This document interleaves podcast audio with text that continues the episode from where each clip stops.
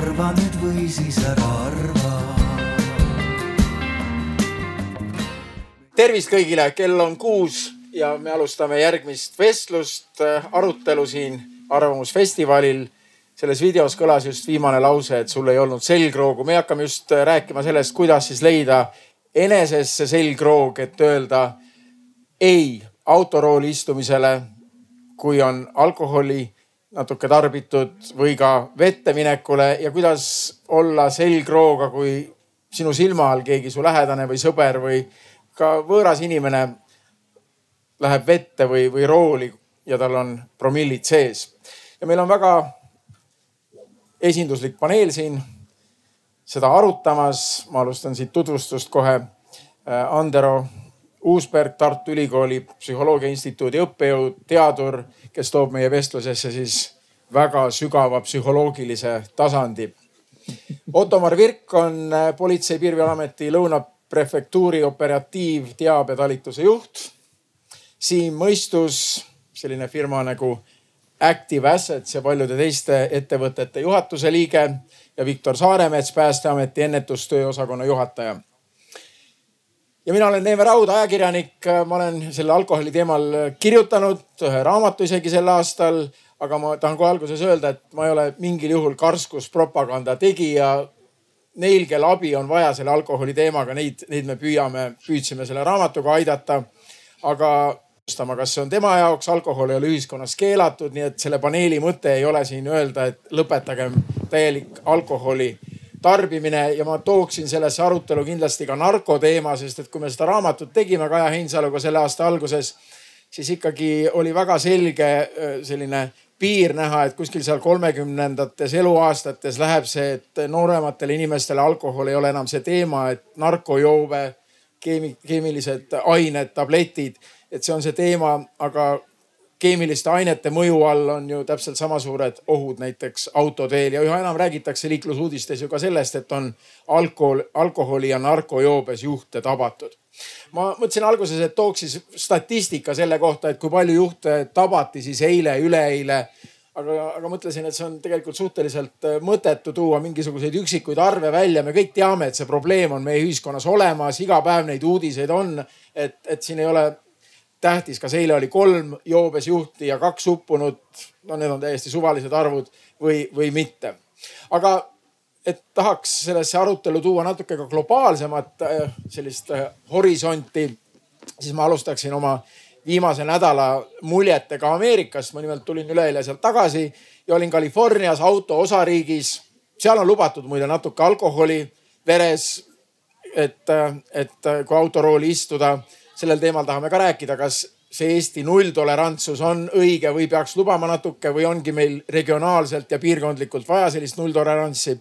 aga Californias on see lubatud ja samuti on seal ka osad narkootilised ained nagu marihuaana, kanep täiesti legaliseeritud ja mingites väikestes kogustes võib ka neid tarbida. nii et väga selline ekstreemne olukord, aga samas läksin ma kiirteel ääres jala poodi, mul autot ei olnud ja seal oli selline kiirtee teisele reale pealesõit või, või teisele teele pealesõit ja seal oli, ees oli valgusfoor ja stopp-märk ja jalakäijana andsin, ma vajutasin nuppu ja kõik autod peatusid stopp-märgi taga. ja siis ma mõtlesin, et ma elan ise Tallinna kesklinnas Sakala tänaval ja seal autod küll ei peatu jalakäija üle, ülesõidu koha juures pigem alandatakse kiirust ja mul on pidev küsimus olnudki just politsei esindajatele ka mitu korda, et kas Eestis seda stopp seadust siis ei olegi ja Ameerikas ma küsisin, et miks see stopp seadus nii püha inimeste jaoks on, nad ütlesid, et trahvid lihtsalt on niivõrd suured. ja tuues nüüd selle stopp teema, mis tõepoolest Californias töötab meie vestluse teema juurde, siis ma mõtlesin, et kuidagi meil ei ole ka alkoholiga suudetud sedasama stoppi, mis meil liikluses ka ikkagi täielikult ei eksisteeri, kehtestada, et ikkagi on ka, et aeglustame natuke, võtame ühe joogi ja istume, istume rooli, et äkki meid ei tabata et kui me alustaksimegi seda arutelu sellest mõttest, et kui kaugel me sellest stopist oleme, miks inimestel seda automaatset stoppi siis ei tule, miks ikkagi on inimestel peas see mõte, et, et no, no mina ju suudan ikkagi seadust petta ja ühiskonda petta ja, ja mina ju kedagi ohtu ei sea. alustame võib-olla psühholoogilisest plaanist, Andero. võib-olla mu, see on lihtsalt minu selline tähelepanek, võib-olla see ei pea üldse paika, võib-olla on see stopp Eestis väga hästi sees, aga no on mul kahtlus, et ei ole no ma arvan, et alustuseks me võime tõesti äh, võtta selle eelduse, et inimesed on erinevad äh, ja kogukonnad on erinevad. Eestis on hästi palju kogukondi, kus äh, need individuaalpsühholoogilised ja ka grupipsühholoogilised pidurdusmehhanismid, mida me täna võib-olla hakkame avama, pidurdusmehhanismid, mis siis riskikäitumise ette astuvad, et, et on päris hästi juurdunud. aga, aga et siis on neid kogukondi, kus, kus nad ei ole veel juurdunud ja, ja kindlasti on selliseid, kus noh, on, on, on lootust või et need kuidagi need eh, pidurdusmehhanismid veel omavahel nagu võistlevad. tuua seda nüüd natuke maakeelsemasse juttu, kogukonnad, millistes jah. kogukondades nad on juurdunud ja millistes siis ei ole, kes need riskikäituvad kogukonnad on? Kas saab tuua mingisuguseid üld? ma ei ole siin nagu kõige parem äh, inimene kommenteerima äh, täpselt seda demograafiat, ma arvan, et üks erisus on, on see, mis sa ise sisse tõid, et, et noored inimesed ei ole enam äh, nii probleemsed alkoholitarbijad, kui, kui on tänased keskealised olnud oma nooruses ja, ja, ja on ilmselt mingisugune nagu ähm,, nagu vanemaealine seltskond, kes on noh, nii-öelda nagu võib-olla meie nagu mõjutusulatusest väljas, et kus need, kus need mustrid on hästi-hästi välja kujunenud. ja siis sinna vahele jääb ja ma arvan, et see ei olegi demograafiliselt väga täpselt määratletav. et, et, et seal on linnainimesi, on maainimesi, on noh, mehi ilmselt rohkem kui naisi ähm,. on erineva haridusega inimesi, äkki siin keegi valdab seda statistikat paremini, et ma ei, ei blufiks Ottomar, kui te peatate kinni autosid, no mida, mida siis need inimesed väidavad teile esmalt, et ma ei ole ikka joonud ju? oo oh jaa, see, see traditsiooniline, kas ei ole joonud või eelõhtul kaks õlut, et äh, see on äh, selline vana legend, mis kestab ja kestab äh, tegelikult juba aastaid. kui siin nagu minna tagasi, et, et kes see sihtrühm võiks olla, siis pigem ma võin öelda oma tunnetuse põhjal, et noored on aasta-aastalt oluliselt äh, teadlikumad nendest ohtudest. Äh, küll me ei saa nagu tõmmata kuhugi joont, et äh, probleem on kas vanemates või noortes või, või maal elavates inimestes või linnas elavates inimestes. et noor ja noor ei, sinna vahele ei käi võrdusmärk, et see, see väga palju sõltub sellest, milline on siis selle inimese ütleme ümbritsev, ümbritsev, teda ümbritsevad inimesed kus, see... milline on see kultuuriruum, kus ta on, millised on väärtused, tõekspidamised ja need võivad olla ühe või teise noore puhul tohutult erinevad. aga ikkagi fakt on see, et ühiskonnas tervikuna me võime siin gruppe vaadata ja võrrelda, probleem eksisteerib, muidu me sellest siin täna ei räägiks. ja absoluutselt, probleem eksisteerib ja noh, võtame, et, et miks me siis sellisesse olukorda või, või miks mõned inimesed jõuavad sinna, kus pärast on pisaraid rohkem kui purki ära mahub noh, võtame ühe keskmise peo, eks ju, mitte keegi ei mõtle niimoodi, et jee, meil on siin pidu, tõmbame õlled sisse, mul on pemar, hüppame sisse, üks, kaks, kolm, mu parimat sõpra, lähme, ma sõidan teid kasti. Et mitte keegi ei mõtle nii äh,. ometi sinna jõutakse. ja, ja see on nüüd see küsimus äh,, mida see inimene ise mõtleb, mida need kõrvalised inimesed, kes tema ümber on, mõtlevad äh,. ja, ja millest on siis puudu jäänud või, või miks sellest piirist üle astutakse pidurdusmehhanismist, millest Andero hakkab kohe pikemalt rääkima, aga äh, Viktor, sinu seisukoht selle stopi ja aeglustuse kohta?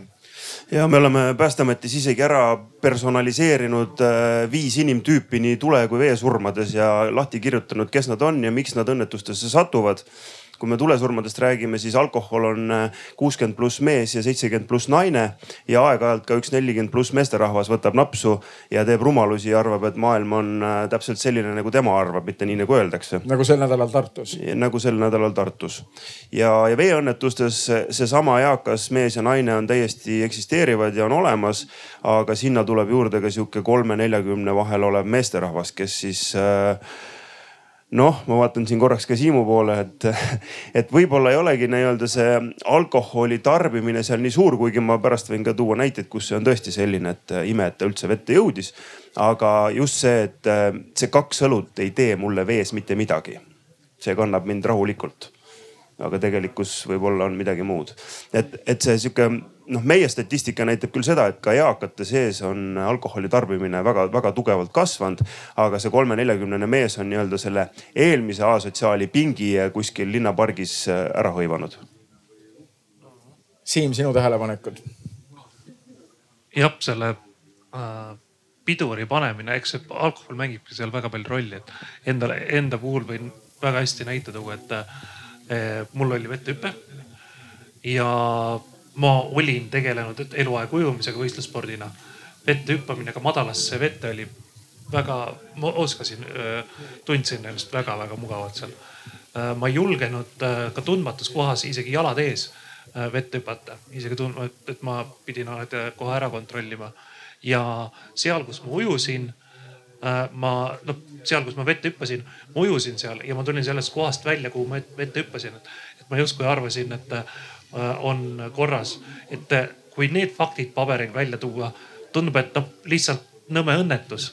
aga kui panna nüüd kõrvale, et seal olin alkoholijoobes, siis kui õigesti ma neid kõiki olukordasid hindasin. et ei olnud purupurjus, me, meil oli lõbus.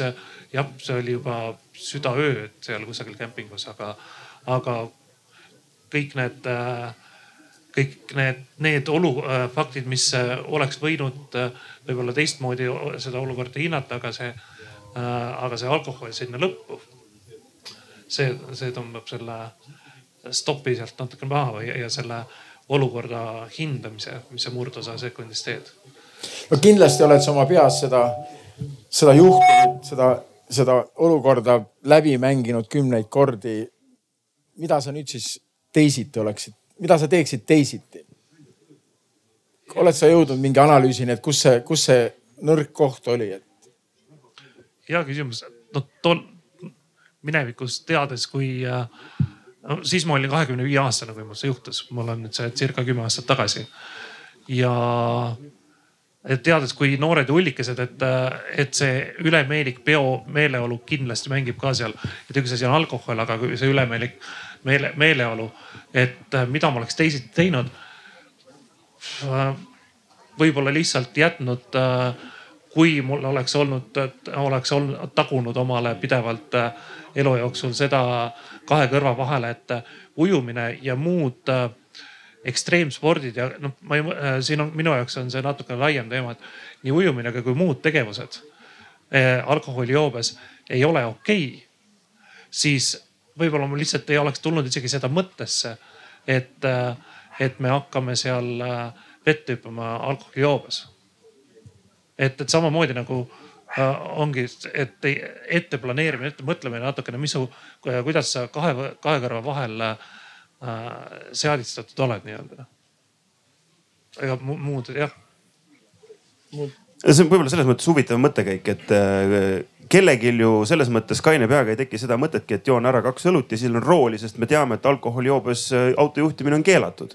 aga näiteks ujuma minna alkoholijoobes ei keela teil mitte keegi, mitte ükski paragrahv, mitte ükski seadus ei ütle, et sa ei või seda teha.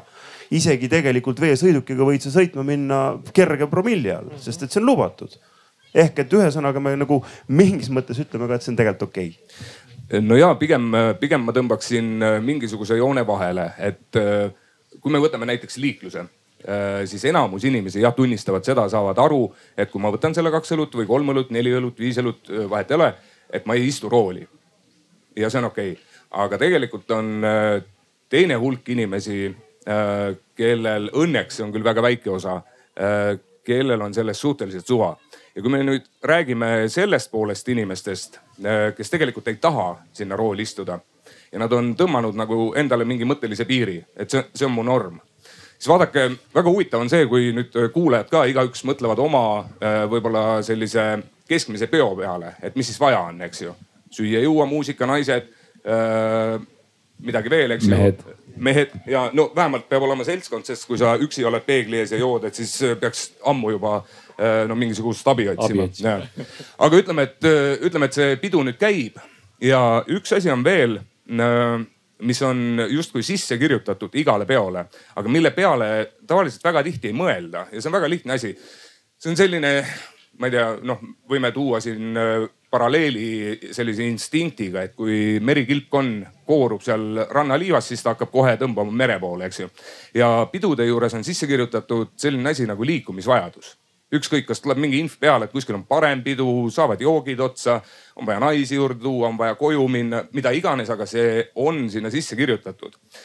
ja väga lihtne on nüüd see koht, et äh, kui see liikumise vajaduse realiseerimine on äh, läbimõeldud kaine peaga, siis ei teki seda dilemmat, kus äh, inimene on juba napsune, tema selline enesekontrolli mehhanism kindlasti nagu nõrgeneb see juhtub kõigil inimestel, eks ju. ehk siis see piir, mille ma olen endale seadnud, et ma ei lähe rooli, kui mul ei ole siis sobivat lahendust, siis sellest üleastumine võib tekkida kergemini aga vägiteod ka loomulikult käivad pidude juurde. no absoluutselt jah, et põhimõtteliselt äh, politsei töös, politsei töös ma võin öelda, et enamus väljakutseid, äh, väga suur osa väljakutseid on äh, seotud alkoholiga. me ei räägi siin ainult liiklusest või veeõnnetustest. põhimõtteliselt kui alkoholist tingitud probleeme, et inimene hakkab käituma teistsuguselt, mida ta kaine peaga ei teeks.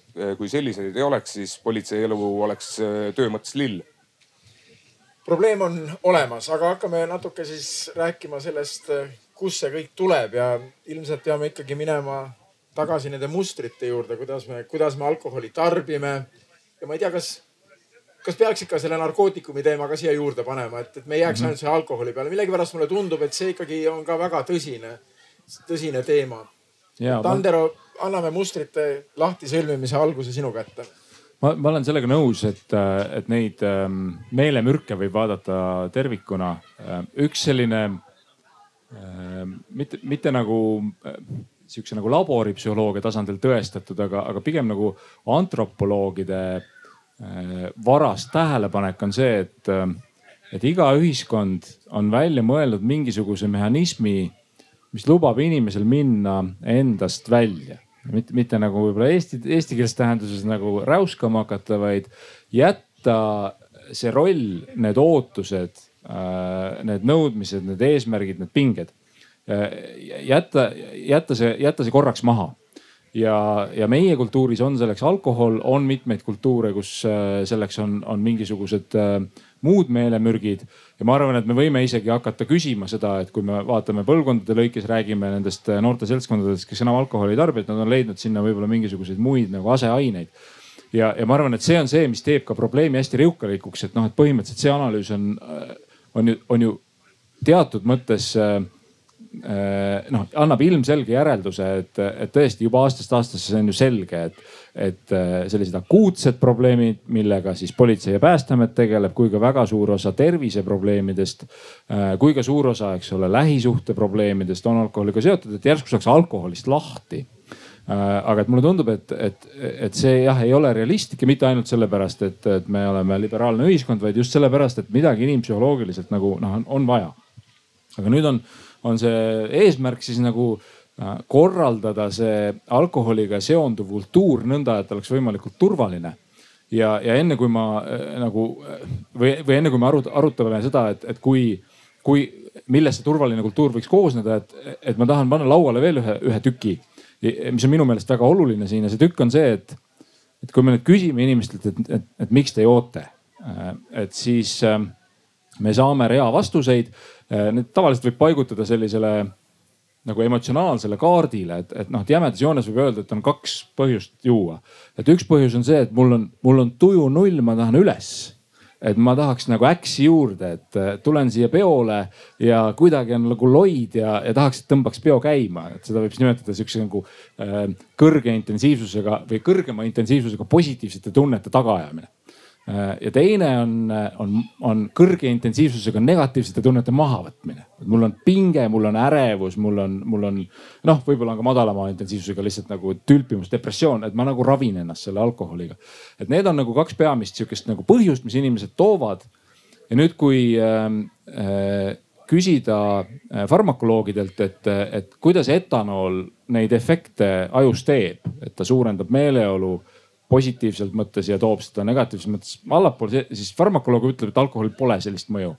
et ei ole mingit mehhanismi, mille kaudu alkohol meeleolu otseselt nagu mõjutaks, et alkohol ennekõike võtab meil koordinatsiooni maha. motoorika. motoorikat, eks ole, keel läheb pehmeks, kehakontroll läheb nõrgemaks, võib-olla teatud määral enesekontroll. aga et, et need positiivsed tagajärjed, mille nimel me joome, äh, need on sageli meil õpitud, et need on asjad, mida me ootame, mida me oleme näinud kui me oleme lapsed ja vaatame, kuidas meie lähedased alkoholi tarbivad, et võeti klaas, muututi lõbusaks. järelikult juhtub ka minuga. võtan selle esimese klaasi, ootan, et, et läheb lõbusaks ja, ja lähebki lõbusaks, võib-olla sellepärast ma olen seltskonnas, et võib-olla see tegelik see nagu sihuke aktiivaine on seal on mujal. ehk siis, et noh, võib-olla natukese, ma utreerin seda, aga et üldiselt suur osa seda head asja, mis me alkoholist taga ajame, on nagu selline nagu platseebo efekt, et. ma arvan, et igaüks võib seda kodus proovida, et kui te võtate alkoholi, mina viimasel ajal olen hästi hästi rahul sellega, ma olen ikkagi juba nihuke nagu keskealine mees, et ma seda alkoholi väga ei kanna nii hästi kui varem et, et ma olen alkoholivaba õlut hakanud jooma ja, ja et, et mul on äh, ikkagi piisav see õlle joomise äh, nihuke põhi all, et, et see petab mind, noh, ma tean, et see on alkoholivaba, petab mind ära, et see kahe õlle tunne tuleb nagu täiesti vabalt kätte ja et te võite seda enda peal proovida, võib-olla keegi tahab tugevamat efekti, et siis võite lasta teha noh sõbral seda, et, et ta annab, võtab sildi maha, ütleb, et noh, ma ei ütle sulle, kumb see on. Et, et see annab nagu väga hea eh, kogemuse sellest, et tõesti see, mis see alkohol mulle annab, on suuresti see asi, mida ma ise genereerin endale, ma ise ootan, et, et, et see sihuke platseebo mehhanism. ja kui me seda endale teadvustame, et siis, et mulle tundub, et selle efekt on see, et siis me nagu saame aru, et oot-oot-oot, et siis see kogemus on minu enda disainida noh suuresti, et ma võin hakata endale mingeid reegleid sõnastama, mingeid Äh, uusi asju proovima. Et, et, et see on nüüd nagu natuke kaugema ringiga selle äh, turvakäitumisega seotud, aga, aga siin ma tahan küll hästi nõustuda nende näidetega, mis on toodud, et, et, et see selline joobeolukorras käitumise regulatsioon, et hästi ma arvan, nagu lühinägelik oleks siin jääda lootma sellele, et et inimene ikka ise peab kogu aeg kõiki riske ette nägema, et noh, et isegi kui ei ole peoolukord, et noh, kes see, kes see viitsib nii palju mõelda nagu kõikidest halbadest asjadest, mis võivad juhtuda ja peoolukorras noh, ei ole selleks aega. et, et, et luua see turvavõrk ähm, äh, teiste vahenditega, üks vahend on see eel, eelnev planeerimine ja teine vahend, millest ma loodan, me siis räägime, on, äh, on siis sihuke kirjutamata reegel, et, äh, et, et kui on minu seltskonnas noh, et meil on seltskondades mingisugused reeglid, mida tehakse ja mida ei tehta. ja, ja sageli need ei ole noh lõpuni niimoodi nagu ratsionaalselt põhjendatud, et, et üks, üks näide võiks olla noh turvavöö kandmine, et, et see on küll täna ka seadusega nõutud, eks ju. aga et noh, põhimõtteliselt võiks öelda, et kas, kas on nagu äh, oht, et kui ma sõidan ilma turvavööta lühikese maa, et, et kõik lõpeb halvasti, et noh, et see oht on, aga see on suhteliselt väike sellele vaatamata on, on terve rida inimesi, kelle jaoks see on nagu põhimõtte küsimus. me lihtsalt ei istu autosse nii, et me ei pane turvavööd kinni. ma arvan, et on, on nagu lootus nende alkoholi riskikäitumistega jõuda nagu samasse punkti. et äh, see on nagu põhimõtte küsimus, et me ei lähe vette, see on põhimõtte küsimus, et me ei lähe rooli no see on see stopp, stopp-märgiga küsimus, aga Viktor, sa siin eelnevalt, enne kui me arutasime, tõid näiteid mujalt Euroopast, kus on see alkoholikultuur juba teistsugune ja, et seesama turvavööga on ka see pull, et äh, kui sa seda peale ei pane, see kisa muutub ühel hetkel nii kõrvu lukustavaks, et sa ei saa seda jätta peale panemata. ma olen ise käinud äh, päris palju Euroopas ringi, olen käinud ka kolleegide juures päästes siis näiteks Itaalias, Prantsusmaal ja seal on täiesti okei okay,, kui sa astud sinna sisse, sind äh, võetakse seal viisakalt vastu sulle pakutakse klaas veini. või ka õhtustel kuskil vastuvõttudel, üritustel. ja ongi kõik, klaas veini. pudel viiakse minema jah, väga paljud ka vaatan nii-öelda siis kaas, kaaskondlased või inimesed vaatavad imeliku näoga, et mis nüüd siis on ju, et rohkem ei antagi või. et ma olen kuulnud, et kuskil Luksemburgis mingisugusel banketil olla eestlased läinud pärast kahte pokaali šampust küsima ka pudelit, et noh, nagu ikka on ju meil peo keskpaigal kuskil hakkavad äh, ärksamad meesterahvad pudelitega ringi jooksma, sest kaua sa neid klaase ikka valad. et siis oli vaadatud sihukese näoga, et kuulge, et äkki teil oleks aeg lahkuda siit peolt on siin jälle pidurdusmehhanismide puudu. ja ma korra isegi võtaks sõna, et ma annan ka viite, et suur osa minu, minu teadmistest sellest valdkonnast pärineb tegelikult Riina Raudselt, kes on, kes on neid asju uurinud ka just nimelt sotsioloogi perspektiivist tema on, on mulle rääkinud sellest, et, et üks erinevus näiteks Põhja ja Lõuna-Euroopa vahel ähm, on, on, on see, kuhu ma arvan, see näide, mis sa just tõid, on üks näide sellest, kuidas nagu kogukond reguleerib ähm,. ja kultuur reguleerib. jah aga noh, kultuuri viib ellu noh, keegi, et keegi teeb selle otsuse, et pudel viiakse ära. Ja see ei ole ilmselt see otsus, et ta mõtleb, et oh täna ma viin mudeli ära, see on lihtsalt, et ta on üles kasvanud, see on normaalsus. ja et, et noh, teine näiteks selline näide on see, et, et nendes kultuurides on, on väga okei okay,, et kui ollakse lauas ja keegi paistab nagu hakkavat nüüd niimoodi üle piiri minema, siis talle sekkutakse, talle öeldakse, et kuule, et see ei ole okei okay või, või, või mingisugusel moel et noh, et Eestis sageli on see, et seltskonnas see, kui purjus ma olen, on mu enda asi ja et keegi mulle ütlema seda tulla ei saa, et, et sellistest väikestest asjadest noh, see selline sotsiaalse normi pidurdusmehhanism nagu algab. ja väga õige, sest äh, kui tuua, tulla nüüd selle seminari või banketi juurde kus see pudel ära viidi ja, ja tekkis hämmeldus, siis noh, tõenäoliselt tõenäoliselt siis selline keskmine eestlane harjunud teistsuguse olukorraga jookseks kilekotiga üle tee toidupoodi ja ostaks endale kaks pakki veini sealt juurde, eks ju. paraku on nii aga kui see on meie käitumisnorm, kuidas me seda saame üldse muuta, me võime vaadata sinna Lõuna-Euroopasse, et see on unelmate jah idee, et kui me saaksime niimoodi, aga no me oleme ju sellised see on natuke, mulle tundub, et see on äh, nagu endale sisendamise küsimus ka. et, äh, et ma olen ka siin äh, just nagu Lõuna-Euroopa riikides osade kolleegidega nagu arutanud ja, ja teistest valdkondadest ka ja on jutuks tulnud see, et Põhja-Euroopa inimesed, mitte ainult Eesti, kipuvad. sa oled ka Lõuna-Eestist mina olen ka Lõuna-Eestist ja mul on, mul on selles suhtes privileeg, aga, aga kipuvad siis äh, seletama seda alkoholi tarbimist, et miks äh, siin Põhjamaades on suurem, et meil on äh, pikad pimedad talved, et me ei ela seda aega üle, et mis teil seal lõunas viga, eks ju. Et, et mulle tundub, et see on nagu kuidagi selline ma ei tea kust, aga otsitud selline turvaline tagamaa, eks ju, et, et mitte asi ei ole minus, aga ma elan nii sitas keskkonnas. meie alkohol ikkagi on neljakümne kraadine pigem, mitte vein, eks ole ju. Nendes pimedates külmades öödes. Need, need ajaloolised põhjused on jah, nagu oma rolli mängivad. samas on näiteid sellest, kuidas normid muutuvad, noh ükskõik mis, mis valdkonnas. too mõni näide, see on väga-väga hea, huvitav mõelda, kuidas me saaksime seda muuta, see on meie eesmärk siin täna. Selle jutuga ka väikene kild anda sellesse muudatusesse. ma annan sulle mõttekoha. Mm, ma nii kaua äh, ütlen ühe näiteks, mis on muutunud, äh, mis on juba läbi käinud ka, on siin seesama turvavöö. üks on see, et ta möliseb äh, kõrva ja piiksub ja häirib, aga teine on see, et äh, näiteks äh, päris äh, mitme tuttavaga rääkides ja oma lapsi ka vaadates, siis lastel on tekkinud arusaam, et auto ei saagi enne sõitma hakata, kui turvavööd on klõps kinni.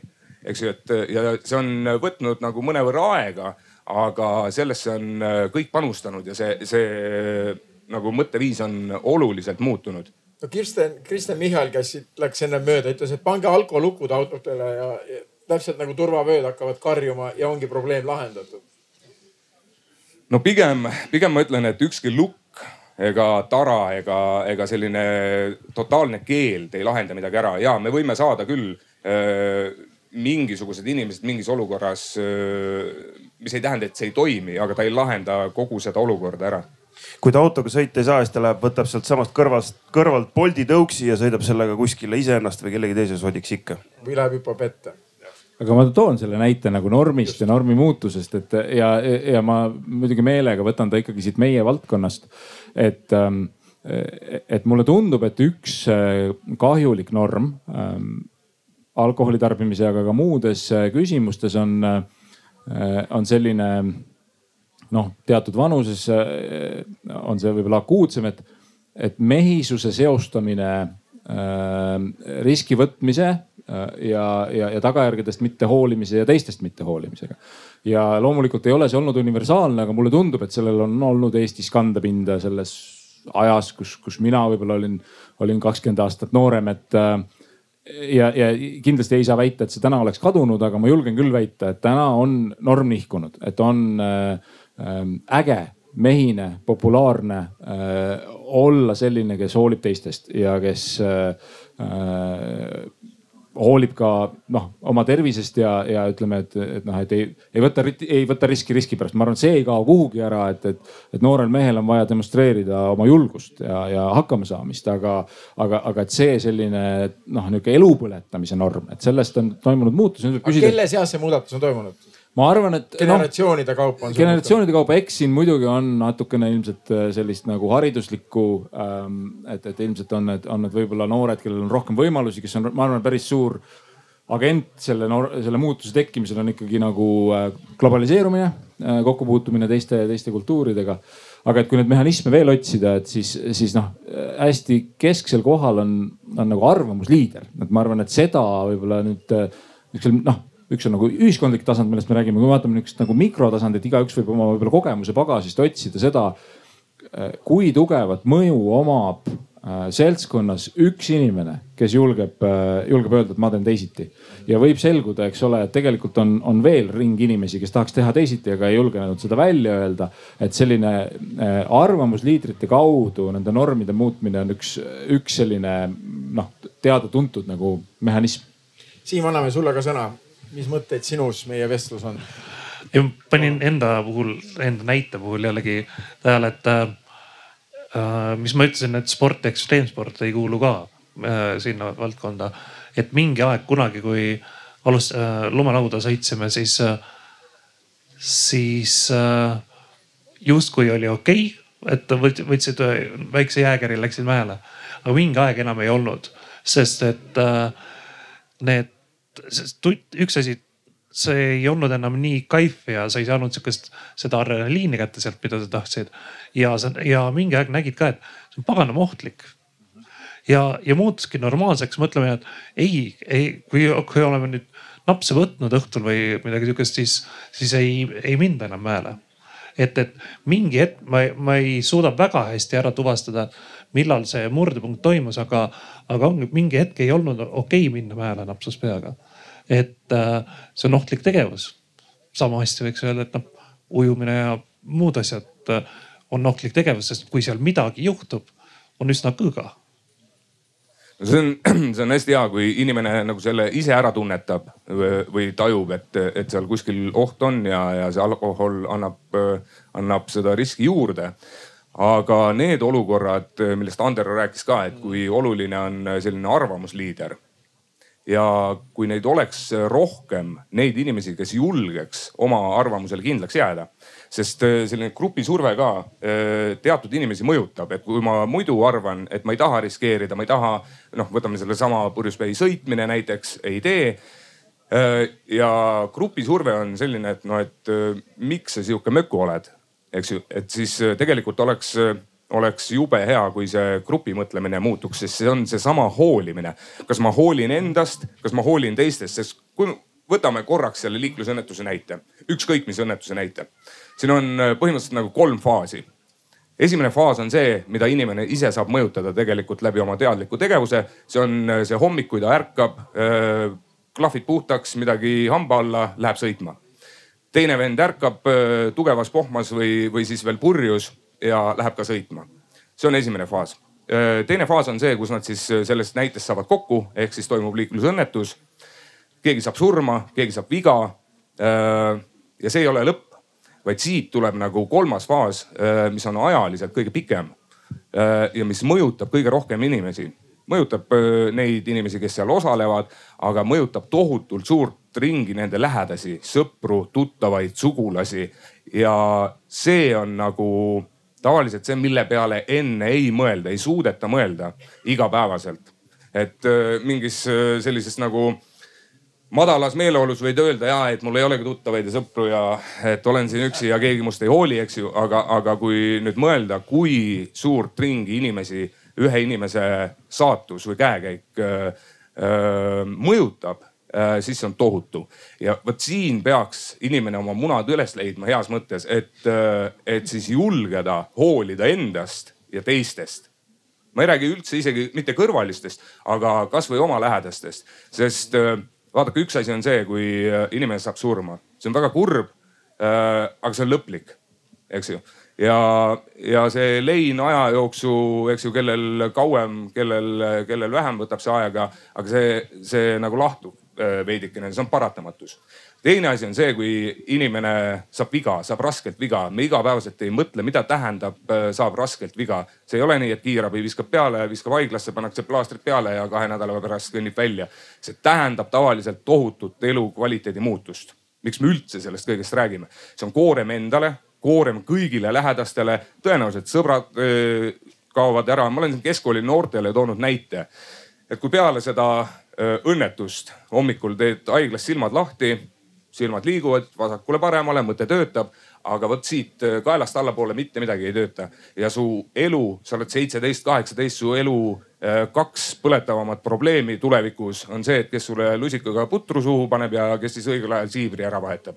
et, et see ei ole hea väljavaade. Siim, kuidas sa kuulad seda? seda silmade lahti tegemist pärast õnnetust see on äh, pärast õnnetust, õnnestust ma hetke ma ise ei mäleta.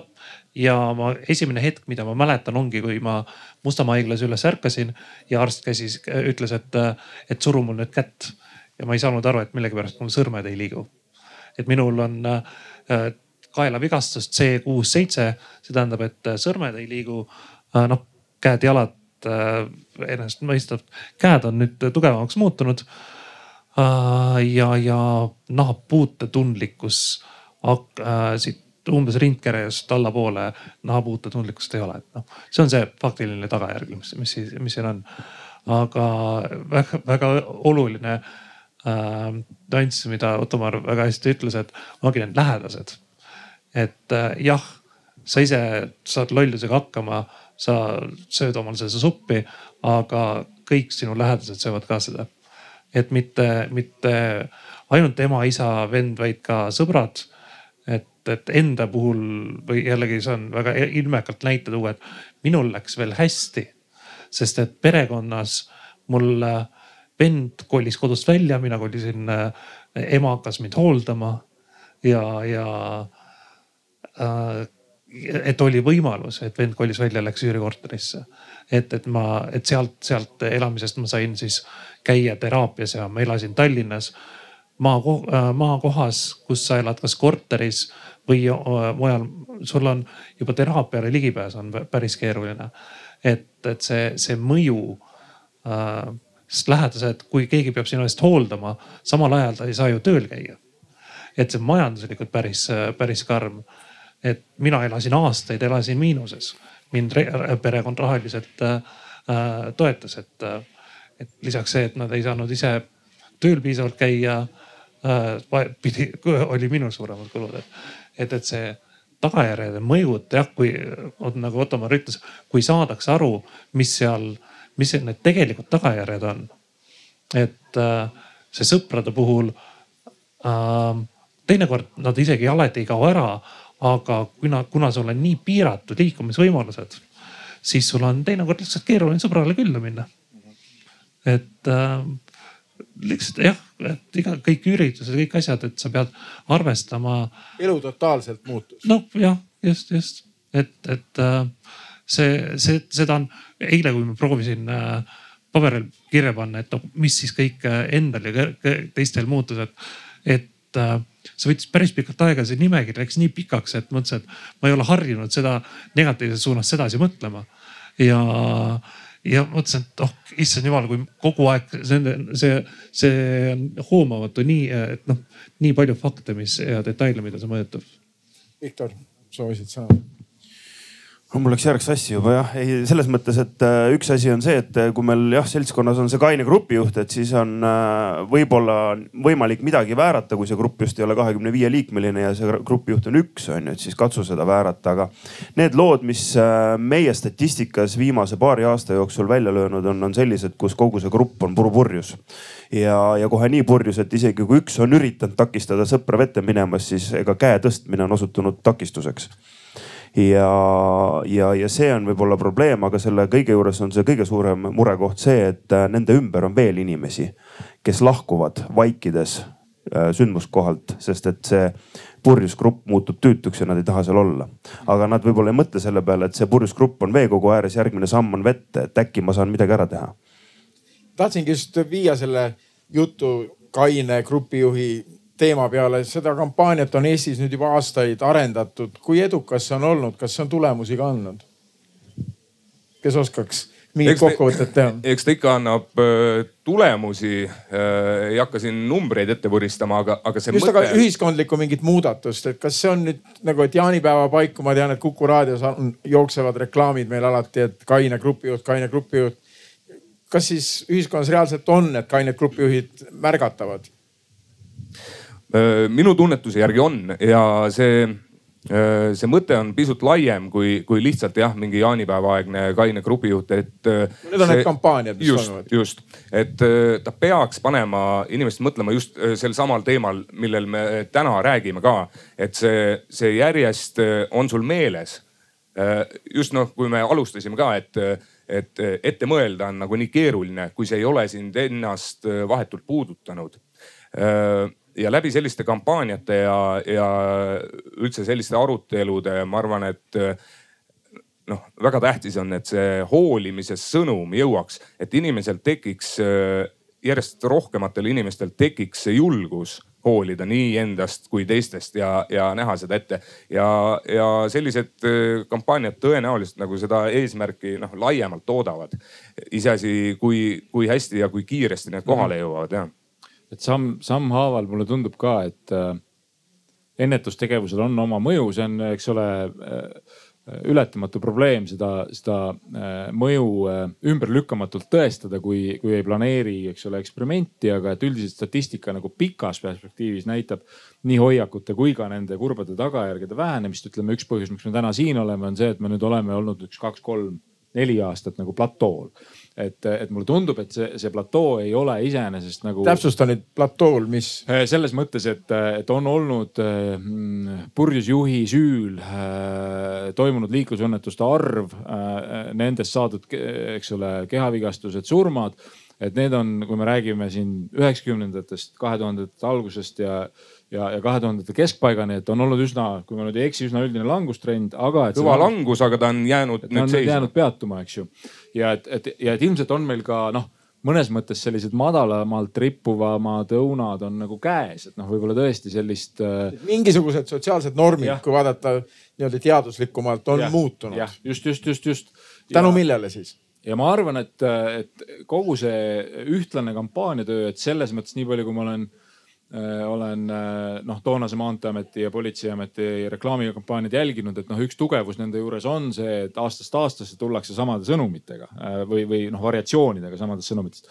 aga kindlasti on ka kogu foonil toimuv ühiskonna noh, hoolivuse suurenemine, väärtuste nihe materiaalsetelt väärtustelt sellistele nagu rohkem ähm, inimlikele väärtustele Äh, nii et, nii et see on nagu omaette huvitav küsimus. Äh, ja nüüd noh, teine huvitav küsimus on see, et kuidas siit nagu äh, edasi minna ja, ja, ja et üks vastus sellele küsimusele on noh, minu jaoks see, et nagu ma ütlesin, et noh, et madalalt rippuvad õunad on selles mõttes käes, et võib-olla sellised nagu hästi ilmselged riskikäitumised, sealhulgas nagu purjus peaga rooli istumine, et et neid on ikkagi juba väga palju kokku surutud ja, ja et, et väga palju siin niisugust nagu hüppelist muutust on raske saavutada. mis tähendab, et, et võib-olla nagu järgmine sihtmärk on, on rohkem nagu see foon või ütleme, et, et kulunud kujunditega, et noh, et et selle jäämäe põhi, mille veepealne osa on purjus juht, eks ole. kuidas me üleüldse ühiskonnana joome, kuidas me suhtume joomisesse, ehk siis needsamad niisugused kirjutamata reeglid. ja üks mõte, mis ma tahan nagu konkreetselt äh, ära sõnastada, on see, et, ähm, et neid joomist puudutavaid kirjutamata reegleid, et seal on nagu kaks nihet, mis võiks juhtuda, mis mulle tundub, on juhtumas. Äh, et üks nihe on selles, et, ähm, et senine nihuke äh, korra täpsustan, et kui ma ütlen kirjutamata reegel, siis ma ei pea silmas mingit seda, et keegi kuskilt sõnastanud, et on mingid reeglid, et need on just niisugused nagu kombed, harjumused, mille peale me ei mõtle, me käitumegi niimoodi. et kui me nüüd analüüsime neid niisuguseid kombeid eh, ehk kirjutamata reegleid, et siis üks asi, mis on alkoholi puhul neid iseloomustanud, on see, et nad ei ole isegi mitte neutraalsed, vaid nad sunnivad jooma. et kui, et kui te kujutate ette minekut peole, kus te ütlete, et ma ei taha, siis teil on vaja põhjendada sellele inimesele, kes tuleb peole ja ütleb, et andke mulle, ei ole vaja midagi põhjendada, miks, miks sa täna tahad, tahadki, et vallan su. et seda sa ei pea tegema, kui sa ütled ei, aitäh et äh, noh, et jah, et autoga või et sa pead nagu mingi hädavale välja mõtlema, ehk siis, et meie reeglid otseselt kultiveerivad alkoholi tarbimist. Äh, need reeglid, et meesterahvas valab naisele, naine ise ei kontrolli, kui palju ta joob. Äh, seda, et, et kui üks võtab, et kui sa minuga toosti ei võta, siis ma solvun. meil on terve rida selliseid kombeid, mis, mis nagu tekitavad selle, et ühel hetkel on kogu seltskond selline, kellel ei ole enam äh, väljapääsu. ehk siis, et üks nihe on see, et jõuda nende normidega nii, et noh, vähemalt me ei sunni peale ja siis teine nihe on see, millest, äh, millest sina räägid ja, ja millest äh, noh, me võime vist selle ka välja öelda, et see kõlab halvasti, kui reklaamitegijad ütlevad, mis nende reklaami mõte on, aga et, et see selgroo termin, mida me kasutame, et see on siis ühest käimasolevast kampaaniast, kus me tahaks nagu jõuda selleni, et, et tõesti kõrvalseisjad hakkavad sekkuma ja et see sekkumine noh, näitab seda, et sa oled mehine, sul on selgroogu seista enda ja enda ja teiste eest. ehk siis siin on need kaks nihet, ma arvan, selle esimese nihkega me oleme kaugemal et me järjest vähem võtame nagu, et me võtame seda sundi maha. nüüd eriti äge oleks, kui me jõuaks selle teise nihkeni ka, kus me nagu natuke vaatame üksteise järgi, noh seesama, et kui ma ikkagi näen, et mul sõbrad on jäänud ohtlikku olukorda, et, et ma ei jaluta sealt ära võib-olla see üleüldine nii-öelda selline avalikkuses või meediapildis ka, kuidas nii-öelda tõlgendatakse ühte ägedat suveõhtut või mida tähendab üks rannapidu või, või, või mida tähendab selline sõpradega kuskile loodusesse minek. et kui sa vaatad neid pilte, äh, jutt on seal kõrval, on ju, siis alati see pilt on see, et äh, on ilusad inimesed, on vesi, on päikseprillid ja kõigil on pudelid käes. kõigil on alati pudelid käes, et ei ole seda hetke ka, et sa lähed sinna, jood vett näiteks reklaami, reklaami mõju ka. see no, ongi fun, kui klantspildil kõigil on pudelid käes, me teeme ka sama. me mingi, mingi aeg kirusime nagu ja helistasime ka online idesse, ütlesime, et kuulge, palun vaadake, et kuidas te nagu uudiseid avaldate, et, et just olete pannud, et eelmisel nädalal uppus Eestis alkoholi tarbimise tagajärjel viis inimest ja siis kõrval on alkoholireklaam kuskil äh, basseini ääres, inimesed joovad õlut. aga ma hakkasin selle peale mõtlema siin praegu, et kuhu, kuidas me oleme sellesse olukorda jõudnud, et kui me seda Kainuse raamatut tegime, lugesime Eesti-aegset statistikat, ei joodud nii palju, see ei olnud norm. Ja nüüd korraga me räägime, et see on ühiskonnas norm. et me ei saa öelda, et see on geneetiliselt meile kuidagi ja, ja kultuuriliselt ja. tulnud. Lõuna-Euroopas, ma arvan, joodi kahekümnendatel aastatel ka veini samamoodi nagu praegu juuakse aga, aga see, seda, mis meil on toimunud, kas see oli siis see nõukogude perioodi vili või ma ei oska öelda, kas keegi oskab vastata sellele. ma annan kõigepealt ühe vastuse, mis tegelikult nagu lihtsalt joonib alla seda, mida sina just ütlesid, see ma ka kanaldan ka siin äh, varem äh, mainitud Riina Raudset, et, et tegelikult äh, on ju ühiskonnas osapool kes on huvitatud sellest, et erinevad tegevused seostuksid meile alkoholiga. Ja seda on, on võimalik analüüsida, kuidas näiteks äh, noh, viinatootjad on, on tootnud materjale, mis seostavad suuri tähtpäevi, eks ju, teatud viinabrändidega või, või, või kuidas, eks ole äh,, lahjema alkoholi tootjad tõesti tahavad äh, Äh, tahavad ehitada seost just nimelt neid assotsiatsioone, et kui ma mõtlen rannapidu, et ma ei suuda seda ette kujutada ilma nagu selleta, et. aga kuidas me jõudsime selleni, millal need viinatootjad hakkasid meie ajusid kontrollima, ikkagi nõukogude perioodil siis või? no see on nüüd puhas ikka kapitalistliku perioodi äh, mehhanism, et see nõukogude perioodi jutt, ma arvan, et siin ma tunnen ennast nagu ebapädevana, aga ma kahtlustan, et siin on midagi, et siin on midagi. sest kui selle... võrrelda lihtsalt, et kui Eesti ajal väidetavalt olid no ikkagi kuuskümmend, seitsekümmend protsenti ühiskonnast ei joonud üldse või väga harva tarbis alkoholi ja nüüd on see vastupidi, siis no saja aasta jooksul mingil perioodil pidi see muudatus toimuma. ja, ja käitumismustrites minu meelest ka neid noh, nagu neid äh, äh tarbimismustreid äh, sealhulgas nagu päisepäeva ajal äh,, töö ajal, äh, et noh, et üks niisugune nagu äh, noh, teadlase jaoks liiga lõtv, aga noh, võib-olla nagu uurimist väärt hüpotees on see, et kuna aeg oli mõttetu, sageli töö, mida sa tegid, olid selline, et seda võiks väga hästi peale lõunat teha edasi pärast kahe õlle joomist. et siis, siis see andis oma rolli. ma olen tähele pannud, et äh, reklaamidesse on tulnud ka rohkem neid alkoholivabade jookide reklaame. ja, ja seda rauda taguda natukene. ja, ma arvan küll, et see just, just, just, et niimoodi saab hakata sellele on ju äh, ehitama või noh, neid seoseid nagu nõrgendama, et kui on tõesti suvepäev, võib seostada mitme asjaga, siis on jube hästi. ja, ja samamoodi on ka reklaamides ja avalike elu tegelasi olnud, kes ongi väl, valjult, valjusti välja öelnud, et jah, nemad on läinud üle alkoholivaba õlu peale, et samamoodi õlu ja need ja siidrid ja kõik asjad meeldivad. aga, aga just alkoholivaba peale, sest et maitse maitse neile meeldib. ja, et minu meelest neid nihkeid, äh, neid nihkeid tegelikult ikkagi toimub ja nüüd noh, natuke murettekitav on see, et seesama platoo, millest me rääkisime, et me oleme sellel samal platool ka alkoholi tarbimise kogu näitajalt, eks ju, et. et, et, et mingitel aastatel oli langus, ma saan aru, kaks viimast aastat on tegelikult olnud noh, paari protsendi võrra ta tõuseb, langeb, aga et me oleme nagu paigal sellega võib-olla ma ei tea oskad arvata selle kohta midagi, aga äkki, äkki võrreldes näiteks äh, Itaalia ja Prantsusmaaga eestlane tunnebki, et nii pagan halb on ja see alkohol teeb paremaks ja siis ma muudkui võtan ja võtan peale, sest et lootus on, et mida rohkem ma võtan, seda parem hakkab, kuni selle hetkeni, kuni ühel hetkel ei olegi enam halb. aga ei ole ju halb. lihtsalt Eesti Vabariigis on päris hea elada ju. nojah, aga, aga seleta seda siis ka noh ei ole ometi, kui sa kõnnid ka ringi, siis tegelikult sa kuuled väga tihti seda, et jube on, valitsus on jube, kõik asjad on jubedad, hinnad on kallid, äh, ma ei tea, mis kõik, väga halb on elada. seletama, kus see murelikkus on tulnud meie meeltesse. see on seesama, et see, et talv saab läbi, eks ole, ootad suve, siis on kaks päeva on kolmkümmend kaks kraadi, siis hakkad juba külma ootama, et pagan see kolmkümmend kaks. jõle paha, et see kolmkümmend kaks kraadi on, sest seda on liiga palju. sel aastal oli lausa poolteist kuud ju kolmkümmend kaks kraadi. ja nüüd on kakskümmend kolm ja pagana külm on, tahaks sooja tagasi ma seda nagu, ma ei ole enda jaoks nagu lahti, ma ei suuda seda ümber lükata, ma ei taha sellele väga alla kirjutada, et meil on äh, on olu, olud, olud on nii halvad, mis sunnivad jooma. noh, üks vastuargument on see, et nii-öelda nii noh, klimaatiline olu ei ole ka Skandinaavias palju kiita, aga et seal siiski numbriliselt juuakse äh, vähem kuigi äh, niimoodi maailma mastaabis on, on, on, on ka Skandinaavia maad olnud hädas nagu selle siukse. Skandinaavia maad, väga hea, et sa tõid selle näite, on võtnud väga kindla kursi, nüüd on see natuke leeve, leevenenud, et alkohol on lihtsalt väga raskesti kättesaadav, sa pead teatud aegadel poes seda ostmas käima. ma mäletan Rootsis, kuidas, kuidas me käisime, meil on alkohol väga vabalt ikkagi kättesaadav, nad kontrollisid sellega. aga ma tooksin veel ühe, pööraks seda münti natuke, keeraks seda võlli üle. mingid libertaallased võivad ju väita, et, et kui me üldse võtaksime siin tõkked maha, et, et Ameerikas palun jooge klaas veini ja minge autorooli, ei juhtu midagi, mingid promillid on lubatud. et, et selle nulltolerantsusega vot, et see iga, alati kui on mingi null asi, et siis inimesed tahavad rikkuda asju.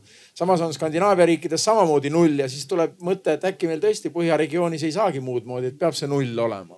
kindlasti saab äh, ja, ja meie ühiskond äh, saab siis mida? selles vabaduseks valmis, selliseks vabaduseks äh, kindlasti ei ole ja tegelikult on tehtud aga tegelikult võiksime palju... kunagi saavutada selle. miks mitte ja absoluutselt kõik on, kõik on võimalik, midagi ei saa öelda, et meie laseme lihtsalt mõtetel nüüd käia lihtsalt avaralt, see on see mõte Arvamusfestivalil. ja ütleme, et Skandinaavia riike vaadates loomulikult seal on äh, nagu tugevamad piirangud ja see alkoholi kättesaadavus on tehtud ebamugavamaks küll, aga Eestis näiteks ei ole ju väga pikka aega tagasi, paljud mäletavad, kui alkoholi sai osta vabalt ööpäevaringselt, eks ju et äh, praegu meil on ikka kümnest kümneni piiratud ja, ja kõik teavad seda, et enne seda ja pärast seda kätte ei saa. Äh, nüüd, kui tulla siia, et väga paljud inimesed äh, räägivad, et Eestis on kõik halvasti ja, ja kõik üldse on halb, siis ma arvan, et me jõuame sinna kohta välja kus me räägime nendest kogukondadest, kus inimene on, kust ta saab oma mõjutuse, sest näiteks minu tutvusringkonnas ausõna ei ole väga palju inimesi, kellel oleks paha olla siin Eestis või, või kellel üldse oleks paha. et see, see väga sõltub ja ma olen nõus, et väljakutsetel äh, me puutume nende inimestega palju rohkem kokku. aga, aga see ikkagi suuresti mõjutab inimest äh, Äh, millised hoiakud ja milliste hoiakutega inimesed on, on seal kõrval, nii alkoholi teemat kui kõike muud ka. no kuna see tuli lauda, ma lühidalt kommenteerin seda niisugust indiviidi nagu murega toimetulekut ja alkoholi rolli selles. et ähm, nagu ma ka enne viitasin, et see on üks nagu ajend, äh, mis, mis alkoholi tarbima ajab, aga ma arvan, et seal ähm, sellel, et inimene ületab riskipiiri, on äh, Äh, on mängus nagu mitte selle mure tugevus, vaid, äh, vaid see, et äh, milliseks harjumuseks ma selle endale ehitan, et, et, et sageli ikkagi niimoodi riskipiiril pendeldav inimene on see, kes noh, näiteks on endale võtnud külge selle, et pärast tööpäeva võtan nagu veini, võib-olla kaks. ja, ja seal ei saa nagu selle probleemi nagu põhjust omistada nagu sellele, et, et vot need tööpäevad on alati äh, rasked, vaid sellele, et ühel hetkel sellest saab harjumus. ja siis need kogused lähevad juba nii suureks, et inimene ei saa sealt nagu enam ise välja, nii et, nii et selles mõttes siin on nagu teisi tegureid ka peale selle, et kui raske see elu äh, päriselt on ja aga siin võib-olla tooks siis nüüd selle ühiskonna rolli ka mäng, mängu siia on ju, et äh, võrdleme siin Põhjamaadega ennast me, kui koroonat ei ole, siis Pääste külastab kahtekümmet kahte tuhandet kodu igal aastal ja me näeme selle aja jooksul tõsiselt palju probleemide küüsi sattunud inimesi, katkisi kodusid ja nii edasi. põhjused väga paljuski on tihti seal alkoholis ja me näeme sealsamas ka, kuidas suhtub üleüldiselt temasse kogu see tema ümbruses olev kogukond ta on inimene, keda ei aktsepteerita ja tehakse kõik endast olenev, et sel inimesel oleks võimalikult halb ja ta läheks minema võimalikult kaugele siit sellest kogukonnast. kui Soomes näitena tuua, siis see inimene pannaksegi tihtilugu elama kortermajja normaalsete inimeste kõige keskele ja kogu see ülejäänud majaelanikud teevad kõik endast oleneva, et see inimene tuleks ühiskonda tagasi ja annaks, oleks nii-öelda kasulik ühiskonnale et võib-olla meie suhtumine nendesse inimestesse, kes on ühel või teisel hetkel elu hammasrataste vahele jäänud, alkoholi tarbima hakanud, ongi eemale tõukav. me näeme seda ka tegelikult ju kuskil veekogu ääres, et inimesed lähevad lihtsalt minema. selle asemel, et öelda talle, et kuule, ära mine vette, onju et, et võib-olla on see on koht, mille peale me peaksime mõtlema hakkama, et, et, et ei saa panna kogu vastutust alkoholi tarvitaja peale ja öelda, et hakka kaineks me peame ise ka aitama kaasa sellele. kui me räägime nüüd äh, sellisest inimesest jah, kes on juba noh, me räägime alkoholismist, eks ju. et siis, äh, siis küll ma olen nõus sellega, et teda ära tõrjudes ükskõik äh, nagu millist nagu teistmoodi käitujat ära tõrjudes me ainult suurendame probleemi. teisest küljest ma olen nagu oma kogemuste põhjal julgen väita ka, et see on jube raske tegevus. mis siis konkreetselt? inimest püüda aidata inimest, kellel on nagu tõsine alkoholiprobleem, ma ei ütle, et seda ei peaks tegema, aga see on väga-väga keeruline ja ja tihti tundub, et sa jooksed puuga või peaga lihtsalt vastu puud. et see, tahaks... selline petmine või, või justkui mulje loomine, et kõik on hästi ja siis järsku on jälle kõik läinud, et seda noh ma olen päris palju näinud. no sellest ma kirjutasin terve raamatu, ma võiksin rääkida sellest pikalt. aga käib ka selline arutelu ju, et kui inimene tabatakse purjus peaga roolist, et ei määratada, ei tuleks määrata talle ranget karistust, vaid saata ta ravile. mis sa sellest arvad? ma arvan sellest väga hästi.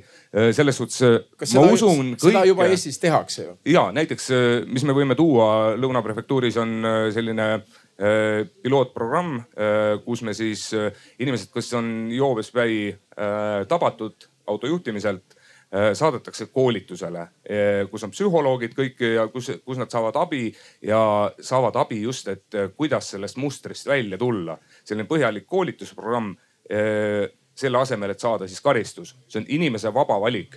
ehk siis tegelikult noh. vaba valik, et antakse võimalus inimestele, koolitus just, või karistus? koolitus või karistus ja ma arvan. kui paljud me, valivad karistuse? enamus, kellel on võimalus, valivad koolituse küll seal on ka oht, et kas see alati jõuab eesmärgini, sest on ka inimesi, kes peale seda koolitust jäävad uuesti vahele. loomulikult siis nende karistus on hoopis teistsugune. aga ma arvan, et me peame äh, alati andma inimesele võimaluse valida, et me ei tohi kedagi nagu ära lõigata või lõplikult hukka mõista, vaid alati peab äh, jääma võimalus käituda nüüd äh, paremal viisil. sest, sest muidu me ainult süvendame probleemi. aga siin on ka juba jälle selline paradigma jälle selline moodne sõna siia tuleb, nihe toimunud, et me anname juba selle võimaluse.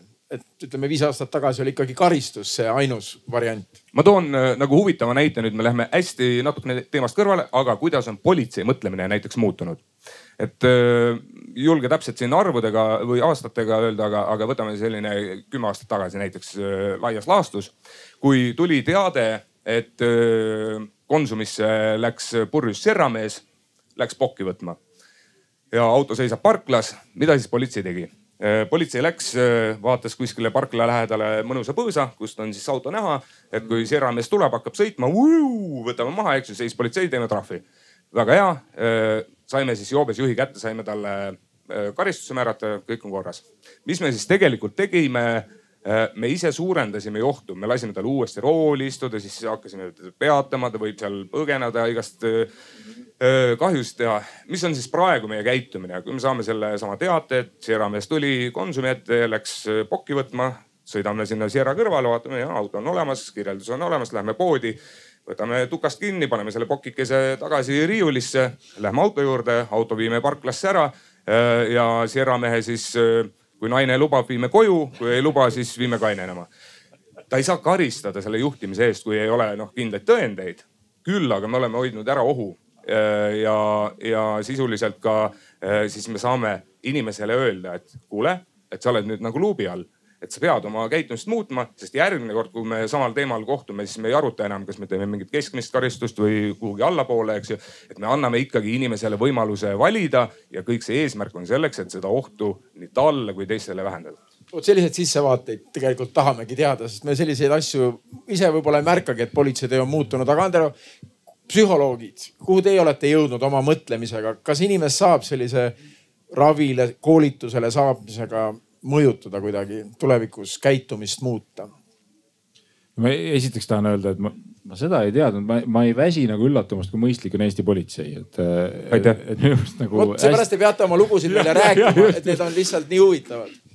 et, et, et psühholoogias ja on noh võib ehitada, eks ole, sellise telje, kus noh, nihuke meditsiinist tuttav telg, kus ühes otsas on probleemi ennetamine, suunatud kõigile ja võib-olla neile, kes näitavad probleemi esimesi märke ja siis teises otsas on ikkagi nagu ravi, kui probleem on välja kujunenud ja ja, ja ennetamine on igal juhul efektiivsem ja, ja odavam, noh jätkuks vaid, vaid oidu sellesse investeerida ja, ja ravi, sõltuvushäire ravi on väga raske. ja, ja noh, raske nagu selles, ma arvan, töö ise on, on innustunud psühholoogile võib isegi huvitav olla, kuigi ka see on raske, aga, aga et just see selline eduprotsent on madal ja, ja, ja sellega tuleb, tuleb arvestada ja noh, selles mõttes on see üleskutse ühiskonnale karistust asendada raviga on Äh, on kindlasti õige, aga et ilmselt muudab selle väljakutsuvaks selle, et noh, tuleb arvestada nende korduvrikkumistega ja olla kannatlik ja et noh, seda sihukesel võib-olla keskmisel valijal on nagu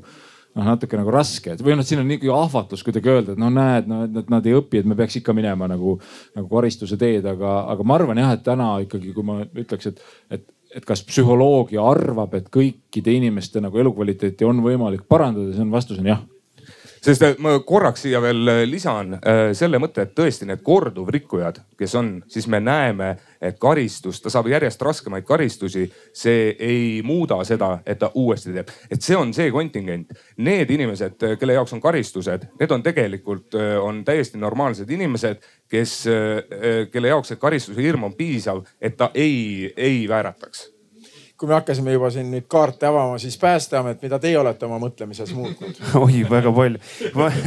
kümmekond aastat tagasi läksime me ka siis asotsiaalse eluviisiga mehe juurde, kel meeldis napsu võtta ja siis suitsu magama jääda ja panime talle suitsuanduri ja läksime ära, homme tulime tagasi, panime jälle suitsuanduri ja vahepeal tegime kümme eurot trahvi ka.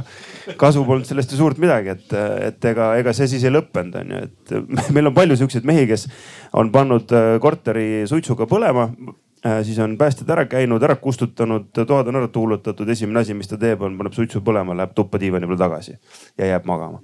et me täna ikkagi otsime, noh jah, ma olen nõus, et on teatud inimesi, kelle muutmine ongi võib-olla mission impossible ja, ja ravi võib-olla aitab, aga alkoholiravi Eestis on ka vabatahtlik teatavasti, et inimene ise peab nõus olema sinna minemisega, et vägisi päris viia ei saa ja lihtsalt, et nii-öelda hoida siis ka naabrite vara, tervist ja, ja elu, siis äh, täna on teised tehnoloogilised lahendused, on siis temperatuuriandur, on see mittepõlev voodipesu, mis sa saad sellele inimesele alla panna, et tuli ei leviks ja hädavajadusel saame talle sprinkleriga pea kohale ehitada.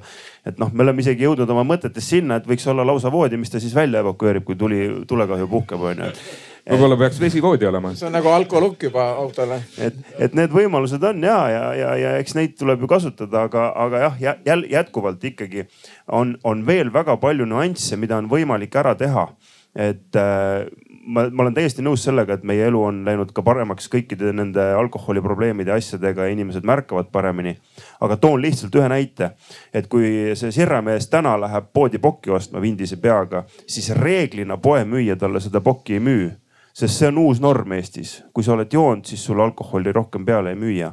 Küll aga võib see sierramees äh, minna siis olemasoleva auru pealt, rentida omale Pärnust supplaua ja sõita sellega vee peal nii palju kui tahab. Ilmselt on tema konditsioon selline, et ta ei suuda seda enam rentida. Mitte et sõita, aga Kol,. kolm meest Emajõel läksid kalale, olid, äh, olid plaaninud seda retke juba päris pikka aega ja otsustasid, et tuleb minna. Ja läksid ja noh, loomulikult oli siis ära tarbitud suur hulk äh, alkoholi äh, paadi rentijaga oli kokku lepitud, paat saadi kätte, paat laoti ääreni alkoholi täis ja kõik nad sealt tagasi ei tulnud. Et äh, noh, see, see otsus oli juba pikalt ette tehtud, seda oli pikalt plaanitud, ma olen kuulnud lugusid, kus äh, kohale jõudes on äh, lained on nii kõrged, et no ükski terve mõistusega inimene paadiga merele ei lähe. aga me oleme nädal aega plaaninud seda ja me sõitsime just kakssada seitsekümmend kilomeetrit, muidugi läheme kuidagi jah tundub, et vahepeal selle töö keskel juba harjud selliste näidetega, aga noh, võin sama absurdse tuua, et kui me mõtleme, et mis olukorras või mida siis inimesed enne mõtlevad, et Äh, siin ka noor mees tõi oma naise sünnitama äh, Maarja mõisasse ja kutsus endale siis toeks, sest mehel on ju tuge vaja. Äh, kutsus sõbra toeks ja ütles naisele, et okei okay,, mine tegele. ja, ja läksid siis sõbraga tähistama äh, poja sündi, kes veel selleks hetkeks ei olnud sündinud. ja võtsid julgust. ja võtsid julgust, nii et vähe ei olnud ja siis tuli meelde, et oo, et vähe, et meil siin normaalsed joogid ei ole, et mul on Alfa Romeo et kujutad ette, et mis sellega teha saab ja, ja mindi siis kruttima nii kaua, kuni jõuti õnnetusse, mille käigus üks meestest sai kohapeal surma Äh, lisaks siis kõrvalistuja viga, aga ka täiesti nagu kõrvaline inimene, kellega siis äh, kokku põrgati, äh, sai püsivaid tervisekahjustusi, mis on tal siiamaani. ja, ja kui nüüd mõelda sinna algusesse tagasi, et millest see pull hakkas, lapse sünd, eks ju, kus isa oleks noh, tore oleks, kui kaine oleks ja oleks seal kõrval olnud, eks ju. Siim, on sul mingeid mõtteid tekkinud seda juttu siin kuulates? ei, mulle meeldis ja jäi äh, kõrva see, et ennetamise poole pealt, et äh, kui, kui mõelda siin ettevõtete ja ettevõtluse poole pealt, siis, siis võiks jah olla sisse kirjutatud äh, ettevõtetesse sisse, sisse kirjutatud reeglid, et nendel olukordadel, nendele inimestele seda teenust lihtsalt ei pakuta, näiteks needsamad vee, veeüritused, veeteenused.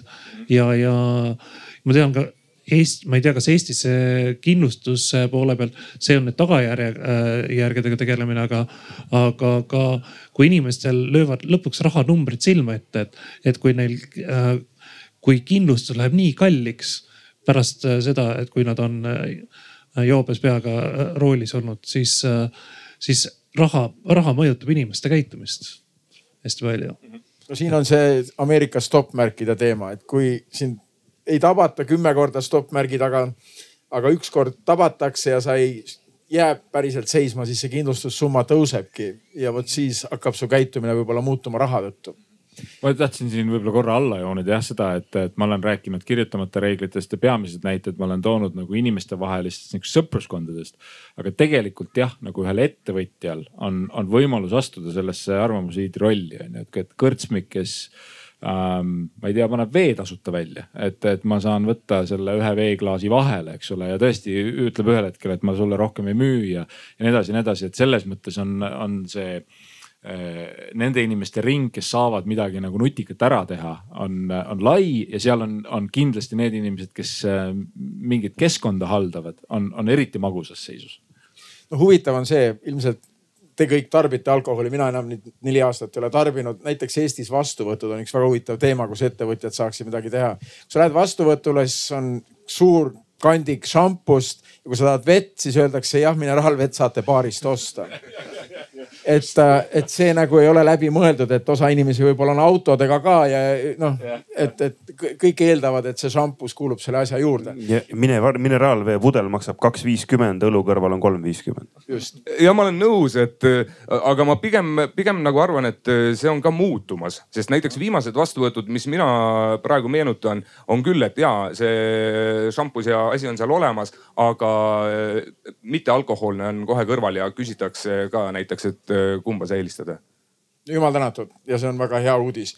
aga meil on Arvamusfestival ja alati on siin festivalil ju tava ka see, et kuulajad osalevad meie vestluses natuke. on teil mingeid küsimusi, arvamusi? meil on kindlasti seal mikrofon, et te saate siit meie panelistide käest äh, küsimusi küsida.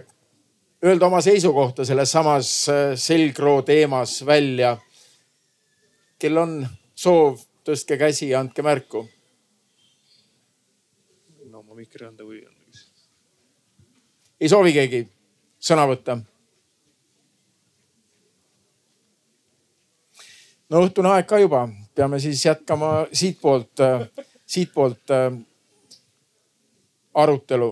aga ikkagi ma tuleks selle nulltolerantsuse teema juurde tagasi. kui Eestis see nüüd kaotatakse ära, öeldakse, et laseme nüüd lõdvemalt, inimesed ise hakkavad vastutama ja oleme selline libertaalne kapitalistlik majandus, mis siis Eestis juhtuks?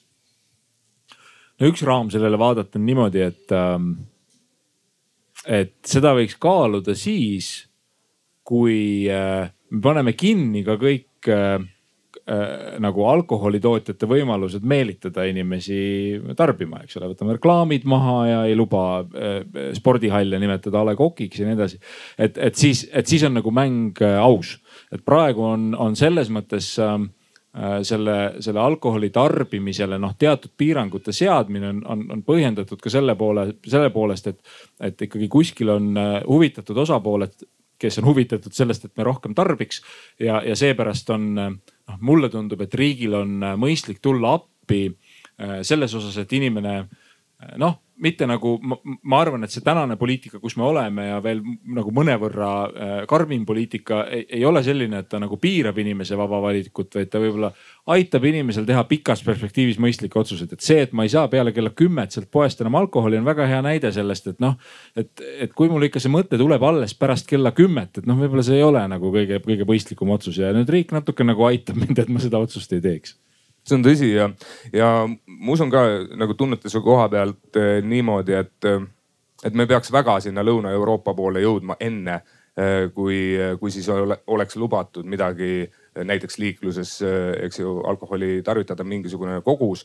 sest muidu me oleme sellises olukorras, et juba praegu, kus me oleme, eks ju, nulli peal, inimesed, osa inimesi kompab nagu seda piiri kus ta nii õhkõrn, eks ju, et kas tal on veel midagi sees või ei ole. kui, kui nüüd öelda, et jah, et äh, näiteks null koma viis või et no sa võid kaks õlut juua, sest äh, see mees, kes vahele jääb, see ongi kaks õlut eelmine õhtu joonud, siis tema see level, kus mu kaks õlut on, tõuseb hüppeliselt ja siis äh, tuleb see piir ära, kus ta enam ei kontrolli, kas kahest saab neli või neljast saab kuus ja, ja noh, tõenäoliselt see ei ole hetkel see tulemus, mida me sooviks jah, üks tuttav kunagi rääkis, et äh, Pärnus kõik äh, teatriseansid algasid kell seitse ja kestsid reeglina sinna poole kümneni ja siis peale seda tekkis alati mõte, et läheks võtaks poest ühe veini. aga tihti võeti kaks, sellepärast et mine tea, äkki hakkab maitsema, tahaks teist ka ja, ja isegi kui see üks ära joodi ja teine järgi jäi, siis alkohol oli kogu aeg kodus ehk et ma olen kuulnud hästi palju seda, et see poolekümnene poodi minek tähendab seda, et ma ostan varuga igaks juhuks ja ega ta joomata ei jää. täna see Lätis käimine on ju sama efektiga, et räägime siin inimestele sellest, et seitsme päeva varu peab kodus olema ja see seitsme päeva varu tähendab sellist kogust vett. reeglina on inimesel õlut rohkem kodus kui vett. me viisime neile muide filtrid, millega on õllest võimalik vett teha, et juhuks, kui on vaja juua midagi aga, aga, aga teisest küljest ma usun, et nende piirangute nulli viimine täna meid ka kuidagi ei aita, et äh, päris valmis see ühiskond ei ole. ja ma ei pea siin silmas võib-olla neid, kes seda alkoholi kuritarvitavad, vaid pigem just seda teist poolt, kes ei tarvita et, et, et kuidas see suhtub nagu sellesse, et noh, kui, kui piiranguid ei ole ja sul on kõik vabalt kättesaadav ja sa võid seda kõike tarbida nii palju kui tahad, siis keegi peab ütlema, kuule, et see, mida sa teed, ei ole okei okay.. okei okay,, võta viina, on ju, aga ära tee seda, teist või kolmandat, et ma, ma arvan, et me ei ole selleks valmis täna. Siim. jah, ma kipun, kipun nõustuma kõigi nende mõtetega, sest et kui mõelda kõik neid, neid mõjutavaid faktoreid, et mis äh, Äh, kas ma lähen nüüd selle äh, napsuspeaga rooli või ei lähe või teen ma seda tegevust või, või tee või ei tee. Need ei ole, mul ei tundu, et need oleks äh, veel meie ühiskonda sisse sööbinud.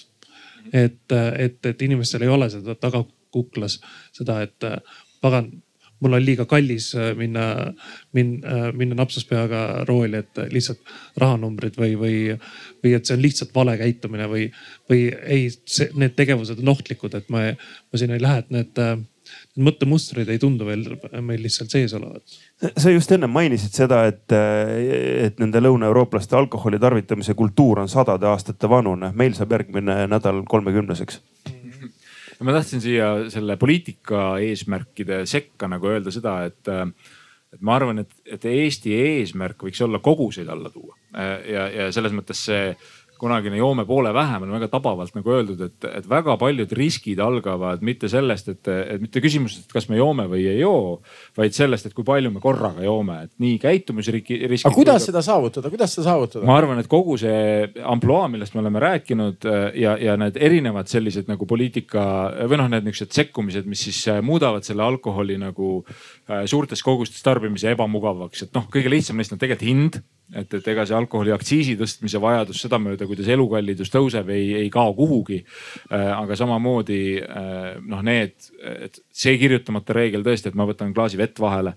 Ähm, äh, kuni selleni, et ma arvan, et, ma ei ole seda küll uurinud, aga ma usun, et päris tänuväärse muutuse on, on alkoholi tarbimisse toonud see, et, et käsitööõlled on väikses pudelis. et, et noh, et mis on üks, mis on üks nagu pudel, mida ma joon, eks ole. et siuksed pisikesed asjad, mis tooksid alla seda kogust. Ja selles osas on see väga huvitav näide jah, et mõned need meetmed võivad olla Äh, vähemalt osale kontingendist niisugused nagu tulistada jalga, et kui tõesti me selle ajalise piiranguga, mul jälle ei ole siin andmeid, et kas see on enamike inimeste puhul nii, ma loodan, ei ole. aga et kui tekib see, et me tegelikult nagu lööme, lööme kunstlikult koguse üles, äh, et noh, et see, see siis oleks nagu halb, halb tagajärg, nii et selle poliitika nagu komplekti kokkupanemine on nihuke peen töö, peen häälestus, mul on väga hea meel, et sellega siin mõned aastad tagasi alustati ja, ja et, et, et nii hea meel mul selle üle ei ole, et sellest oli, et noh, sellest sai tõesti üldrahvalik selline poliitiliselt väga-väga oluline teema, et ta võiks olla tegelikult natuke vähem oluline teema, et me saaksime siin niimoodi eksperimenteerida ja parimate lahendusteni jõuda ma mäletan, kui mul siin olid probleemid, siis, siis üks psühholoogiline nõu, nõuanne oli see, et, et sa pead sõna pead asendama sõnaga tahad üldse asjade tegemisel ja elu läheb kuidagi kergemaks. siin selles vestluses on kogu aeg see alkoholi teema läbivalt olnud nagu mina otsustan, mina teen. aga kuidas, kuidas viia see selleni, et, et see minu otsus mõjutab tegelikult ka teisi? kuidas seda ühiskonnas levitada psühholoogiliselt mm? -hmm. see on tegelikult praegu ju väga meil kõigil peades see arutelu, kõik me oleme võtnud mingisuguse seisukoha koroonavaktsiini teemal see on ka umbes sama asi, et, et kas me lähtume sellest, et äh, Ameerikas on see praegu väga laialdaselt arutelus et, et, et need, kes on ennast vaktsineerida lasknud, on mõnes mõttes kaitsmas ka teisi ja, ja meedia kuidagi võimendab seda, aga jätame koroona kõrvale, siin see on liiga, liiga kirgi üles lööv teema ja vaktsiini teema, aga alkoholi puhul, et kui see mõte käib peast läbi, et see ei ole ainult minu üksik otsus siin, et, et, et ka ühiskond on ümber, teised. no eks see ongi eesmärk, et üks asi Äh, kahjuks väga äärmuslik äh, mis töötab äh, suhteliselt nagu enam-vähem sada protsenti, on see, kui inimene selle ise läbi kogeb. Nii kurb kui see ei ole, eks et, et see on meede, mis töötab, kui ta tunneb, et tema tegevuse järel ja siis selle alkoholi tarvitamise käigus siis saab ta ise viga ja, ja kõik lähedased ka ja, ja see mõjutab. Äh, nüüd ülejäänud, äh, ma arvan, et on ikkagi väga palju see hoiakute küsimus, äh, kuidas see täpselt kõigi sihtrühmadeni viia, noh kohe kindlasti ühtset nagu vastust ei ole, aga see ka, mida me siin alguse otsas rääkisime, eks ju, et see teadvustamine, et, et ma hoolin kõigepealt endast, ma austan ennast, hoolin oma lähedasi, austan neid, et, et see see viib sinna tagasi, sest, sest me ei saa ega ei tahagi kindlasti nagu keelata ära alkoholi tarvitamist või millegi tarvitamist, et paneme kõik lukku ja et noh, see, see ei ole see ühiskond, kus me, see ei ole lahendus, kindlasti mitte.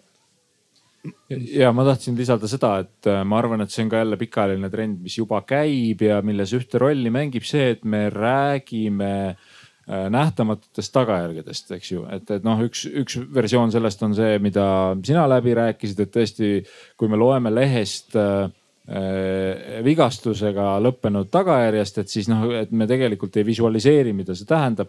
aga ka noh, niisugused abstraktsemad teemad, et tõesti, et me, et me ikka ei unusta ära seda, et milline koormus on alkohol haigekassale või milline koormus on ta tõesti noh, kõik need nagu tule, äh, tuleõnnetused ja noh, ma arvan, viimane lisandus on ikkagi. politseile. politseile absoluutselt ja et milline koormus on ta Eestis lähisuhetele et ikkagi see lähisuhtevägivald ja, ja lihtsalt halvad suhted, et, et, et noh, et me, et, et mida rohkem saab neid tegureid, mis noh, on tegelikult selle minu käitumise on ju tagajärjed teistele, et seda, seda nagu usutavam see argument on, et kuulge, et, et, et see ei ole ainult minu asi. ma lihtsalt, äh, kui mõelda inimese motivatsiooni üle, mida, äh, mis, kui ta tahab midagi teha, mis teda motiveerib, siis äh, see, et mina nüüd tahan ma ei tea, mida iganes teha või saavutada, hästi tihti motiveerivad ikkagi pere, perekonnaliikmed või sugulased, et, et sellepärast ongi inimestel oma perepildid töölaudadel ja, ja kõik, kõike muud sihukest, et, et, et see mina, et mina tahan ennast muuta pigem, et äh, kui sa, kui sa selle, kui sa mõtled, et sa ei, ei lähe rooli või, või ei lähe ujuma või, või tee muid, muid lollusi, et sa, et, et ka seda mõttemustrist saada, et sellega sa hoolid oma lähedastest. et, et see, see, mida sa iseendale teed jumal temaga, aga sellega sa hoolid enda lähedastest. Viktor, sulle jääb, tahad midagi lisada? sulle jääb meie vestluse viimane sõna. Mina ja nemad, mina ja ühiskond, teised. päästeamet tegeleb ju tegelikult sellega just nimelt, et ühiskonda ma võib-olla jah, kokkuvõtteks tahaks kõigepealt öelda seda, et olukord ei ole ju üldse nii hull, kui me võib-olla siin pooleteist tunni jooksul oleme välja lasknud paista. et eh, olukord on igal juhul paremaks läinud võrreldes näiteks viieteist aasta taguse ajaga, kus meil igal aastal eh, suri liikluses, tules, vees eh, kakssada pluss inimest pooled olid alkoholi tarvitanud ja, ja olukord oligi kehva. täna on ta läinud paremaks. Äh, kindlasti on läinud ta paremaks ka selles mõttes, et inimesed ikkagi märkavad rohkem, juhivad rohkem tähelepanu. ja mina julgen küll öelda, et ka seda suhtumist, et äh, võtan pitsi ja pean aru, on palju rohkem, et ma olen isegi kuulnud, et täitsa kaineid jaanipidusid peetakse kolmesaja inimesega mis ka võib-olla viisteist aastat tagasi oleks tundunud täiesti utoopia, et, et, et see nagu ei ole võimalik. et, et see kindlasti läheb paremaks, see on lihtsalt protsess, mis võtab kaua aega äh, see eeldab tegelikult seda, et kõik ühiskonnakihid tulevad sellega kaasa. ei ole okei okay,, kui Riina Raudna teeb kampaaniat jomme poole vähem ja valitsus samal ajal langetab aktsiisi. kuskil on nagu viga sees, et, et see asi niimoodi päris ei saa töötada et, et, et, et selline ühine ja ühtne ettevõtmine, igaühe kaasabil selle probleemi teavitamine ja mitte võib-olla ka kasutada sõnu, et ära joo, vaid et võta ja pea aru ja võta vett vahele ja, ja ära tee, ära tee rumalusi, ehk siis ära, ära ole nii-öelda see riskikäituja, et, et kui me, kui me neid üha rohkem nii-öelda teadvustame ja kõik selle mõttega siit ka koju lähevad, siis ma usun, et on nagu lootust, et läheb ikka veel paremaks ma ühe väikse mõtte siia lõppu ütleks. Äh, ehk siis äh, tõesti, me ei taha midagi ära keelata, lukku panna sellist. Äh, mõni politseinikuna kui, kui ka igapäevaselt oma sõpradega nagu läbi käies rääkides, ma tajun sellist maailmapilti, et et me peaks sellisest negatiivsusest, depressioonist ja, ja virisemisest nagu püüdma kõrvale, kõrvale hoida. see tänase jutu mõte ei olnud see, et, et me peame elama kuskil kookonis, midagi teha ei tohi, eks ju, midagi sellist. elu peab elama niimoodi, näpud püsti, kõik asjad ära proovima, aga mõtlema siis üks samm ette, kellest ma hoolin. ja ma arvan, et see lahendab väga palju selles teemas, mida me rääkisime no ikkagi jääb Andero sulle viimane sõna psühholoogina. näpud püsti elamine. ma, kusjuures ma ei võta seda sõna, et, et, et mul on jah, ma pean tunnistama, et me oleme omavahel korra vestelnud enne ja, ja, ja Ottomar juba seal kasutas seda, et elu, elada tuleb näpud püsti, mulle õudselt meeldib ja, ja tõesti, et, et minu meelest see, mis siia lõppu äh, kõlas, on, on täiesti piisav, et ma ei hakka seda analüüsima rohkem. aga psühholoogina ikkagi tahaks kuulda alati on huvitav, anna mingisugune nõuanne, kuidas me saame oma mõttemustreid kuidagigi muutma hakata. mis, mis väikseid samme sa soovitaksid meil teha? mõttemustrite muutmine jah, juhtumisi on väga tore, et ma saan nagu oma põhitööst ka rääkida, et minu äh, praegu käimasolev teadusprojekt äh, käsitleb seda, et et üks hästi universaalne viis äh, tegelikult nagu tervislikult oma, oma muremõtetega toime tulla on tõesti otsida üles nagu oma mõtlemises mingid niisugused vead, mis ma, mis ma teen. Mida alkohol ei, ei soodusta, sest ta natuke nõristab seda nagu mõtlemist. enne saab mõelda, kuigi vigu on raske tunnistada. ja, ja, ja aga noh, pärast kui kaine oled, et siis saab ka ikka jälle edasi mõelda, et äh, ja, ja et siis, et et noh, mõned nagu lihtsad küsimused saab endalt küsida, et ikkagi üks küsimus on see, et kas ma ähm, järsku nagu äh, see pilt, mis minu peas on, ei, ei vasta nagu päris sellele pildile, mis maailmas on, et ma midagi nagu teen sääsest elevandi või, või mõtlen, omistan kellelegi mingisuguseid nagu põhjuseid, et, et, et sõber jätab kohtumisele tulemata, mõtlen, et tegi kohe meelega, tegelikult noh, ma ei tea ju ähm,. ja et seal kõrval on ikka alati ka see, et ähm, et vahel on nüüd niimoodi, et noh, mõtlen, mõtlen, et kas ma olen millestki valesti aru saanud, selgub, et no ei ole, et asjad ongi ikka täitsa, et see olukord, et tõesti sõber jättiski nagu meelega tulemata, aga et siis võib mõelda, et noh, et järsku on sellest ikkagi nagu midagi kasu nagu pikas perspektiivis, järsku on kuskil nagu mingi väärtus või miski asi, mida see mulle nagu annab. ja minu uuringud näitavad, et kui inimesed niimoodi endalt küsivad, siis neil on hea olla. vot, mida laupäeva õhtul teha enda mõtteid natuke analüüsida siin ilusas pargis ja, ja neid küsimusi küsida. aga aitäh teile selle paneeli eest. poolteist tundi rääkisime sel teemal ja juttu jätkuks veel. Ander Uusberg, Tartu Ülikooli Psühholoogia Instituudi õppejõud ja teadur. Ottomar Virk, PPA Lõuna prefektuuri operatiivteabetalituse juht Siim Mõistus, Active Assets ja paljude teiste ettevõtete juhatuse liige oma kogemustest rääkimas. Kahjuks kurbadest, aga näed, elu, elujõud ei ole kuskile kadunud, sa oled siin ja panid meile kõigi mõtted tööle. ja Viktor Saaremets, Päästeameti ennetustöö osakonna juhataja. aitäh kõigile ja kohtumiseni.